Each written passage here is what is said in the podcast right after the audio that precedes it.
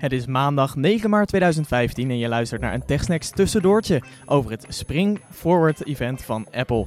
Ik ben Maarten van Woerkom en vanuit de studio van de website One More Thing bespreek ik snel de aankondigingen van vanavond. Op de achtergrond wordt nog rustig nageborreld. Dus uh, dat is het geluid wat je op de achtergrond hoort. We gaan snel naar de aankondigingen. Apple begon de keynote met een filmpje over China. Een belangrijke afzetmarkt, uh, gezien de grote hoeveelheid mensen die daar wonen. Op het moment zijn er zes Apple Stores in China, maar medio 2016 heeft Apple het, uh, ja, zullen we het maar ambitieuze doel noemen, gesteld om 40 Apple Stores in China te openen. Lichtelijk verrast waren we toen Tim Cook begon over healthcare. En niet zozeer de health-applicatie op je iPhone, maar meer het aandeel wat iPhones kunnen hebben in medisch onderzoek. Um, Apple is achter de schermen bezig geweest met het ontwerpen van Research Kit. Een speciale service voor medische onderzoekers om een groot publiek te bereiken. Zo kunnen ze via speciale apps bijvoorbeeld testen doen voor diabetes, Parkinson, cardiovasculaire aandoeningen, astma of borstkanker. Deze apps kunnen door heel veel mensen op een iPhone worden gebruikt en kunnen zo zorgen voor een enorme hoeveelheid data. Dit is natuurlijk ontzettend waardevol voor onderzoek en dat maakt dat Apple voorop loopt in deze koppeling tussen wetenschap en consument. Direct daarna gingen we het hebben over televisie, de Apple TV. In de studio hier dacht men, oh krijgen we nu eindelijk die nieuwe Apple TV, maar helaas. Het ging om een nieuwe service van HBO, onder andere uh, de producent van Game of Thrones. De HBO-CEO kondigde aan dat HBO Now exclusief naar de Apple TV komt. Helaas voor ons in Nederland alleen in Amerika. Dus daar hebben we niet zo heel erg veel aan. Snel door naar de volgende aankondiging, want er was veel meer vanavond. Zo wilde Tim Cook het met ons graag hebben over Macs. En dat had een reden, want Apple heeft een radicaal nieuwe 12-inch MacBook uit de doeken gedaan.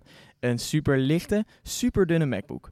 Ik vergelijk hem even met de kleinste MacBook die we al kennen, de MacBook Air 11 inch. Deze is 17,3 mm dik, waar de nieuwe MacBook slechts 13,1 mm dik is. Ook het gewicht verschilt. De 11 inch MacBook Air weegt 1089 gram, waar de nieuwe MacBook 907 gram weegt.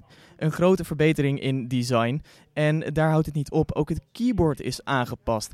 Apple heeft een hele nieuwe techniek ontwikkeld waardoor ze door middel van een soort van vlinderknopje um, de knoppen 40% dunner hebben kunnen maken en 17% groter.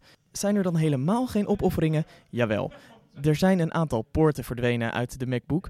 Sterker nog, er is nog maar één poort. De USB-C-poort. Voordeel, hier kan wel alles op worden aangesloten, zoals USB, DisplayPort, HDMI, VGA, bedenk het maar. Dit zal wel gaan met een kleine uh, verloopstukje. Hier houden de vernieuwingen nog niet op. Ook het trackpad is aangepast. Waar we in de vorige MacBooks nog steeds konden klikken op het trackpad, is dit nu aangepast naar een Force Touch trackpad. Er zitten vier druksensoren in, die het verschil kunnen waarnemen tussen zachte en harde druk. Dit maakt dat de MacBook een hele nieuwe manier van besturen heeft gekregen. De nieuwe MacBook heeft een Retina display van 2304 bij 1440 pixels. Dat zijn meer dan 3 miljoen pixels. En dit is het dunste Retina scherm dat Apple tot nu toe heeft afgeleverd. Nog meer innovatie kunnen we aan de binnenkant vinden, namelijk de ventilator.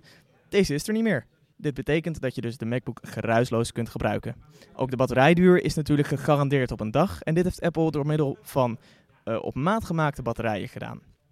Waar MacBooks eerder alleen nog in het zilver verkrijgbaar waren, komt de nieuwe MacBook ook in drie kleuren, namelijk zilver, space gray en goud, voor ieder wat wils. De verkrijgbaarheid is nog even onduidelijk. In de Verenigde Staten is de MacBook vanaf 10 april verkrijgbaar, maar in Nederland is dit nog niet bekend. De prijzen zijn echter wel bekend. Voor 1449 euro krijg je de nieuwe MacBook met een 1,1 GHz dual-core processor, 8 GB RAM en 265 GB SSD. Voor iets meer, 1799 euro, koop je een 1,2 GHz dual-core processor met 512 GB SSD. Ook de huidige MacBook Pro en MacBook Air zijn vernieuwd. Vooral intern, behalve bij de MacBook Pro, leuk om te vermelden is dat die ook het nieuwe trackpad krijgt. Voor de precieze specificaties verwijs ik je naar het artikel op One More Thing, uh, hetgeen gelinkt is in de show notes.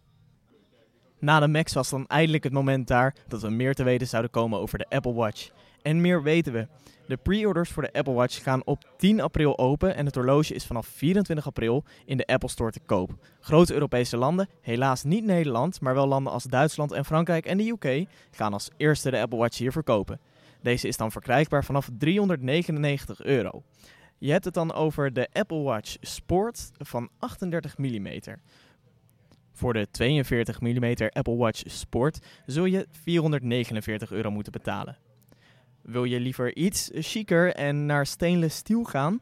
Dan betaal je 649 euro tot 1199 euro voor de 38 mm. De hoeveelheid die je betaalt is afhankelijk van welk bandje je kiest. Dit geldt ook voor het 42 mm model, wat begint bij 699 euro en kan eindigen bij 1249 euro. Heb je echt heel veel geld te besteden, hou je echt heel veel van horloges en hou je van goud, dan kun je gaan voor de Apple Watch Edition. Deze zijn niet goedkoop. Je betaalt 11.000 euro tot 18.000 euro voor een 18 karaats gouden Apple Watch. Deze is helaas slechts beschikbaar in een selectie Apple Stores. En of we die in Europa kunnen bewonderen, dat moeten we nog even afwachten. De prangende vraag die veel mensen hadden, hoe lang je nou eigenlijk doet met die Apple Watch, is ook beantwoord. Volgens Apple gaat het horloge 18 uur mee op één acculading en dit is dus voldoende voor één hele dag.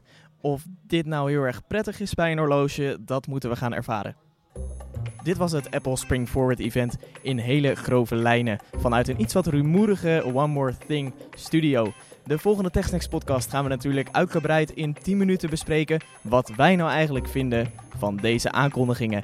Dit horen we ook heel erg graag van jou voor de volgende uitzending. Laat dit weten via techsnacks.nl slash submit. Hierop kun je ons een berichtje sturen of via Twitter via techsnacksnl. Dit was het TechSnacks tussendoortje over het Apple event. Bedankt voor het luisteren en tot de volgende keer.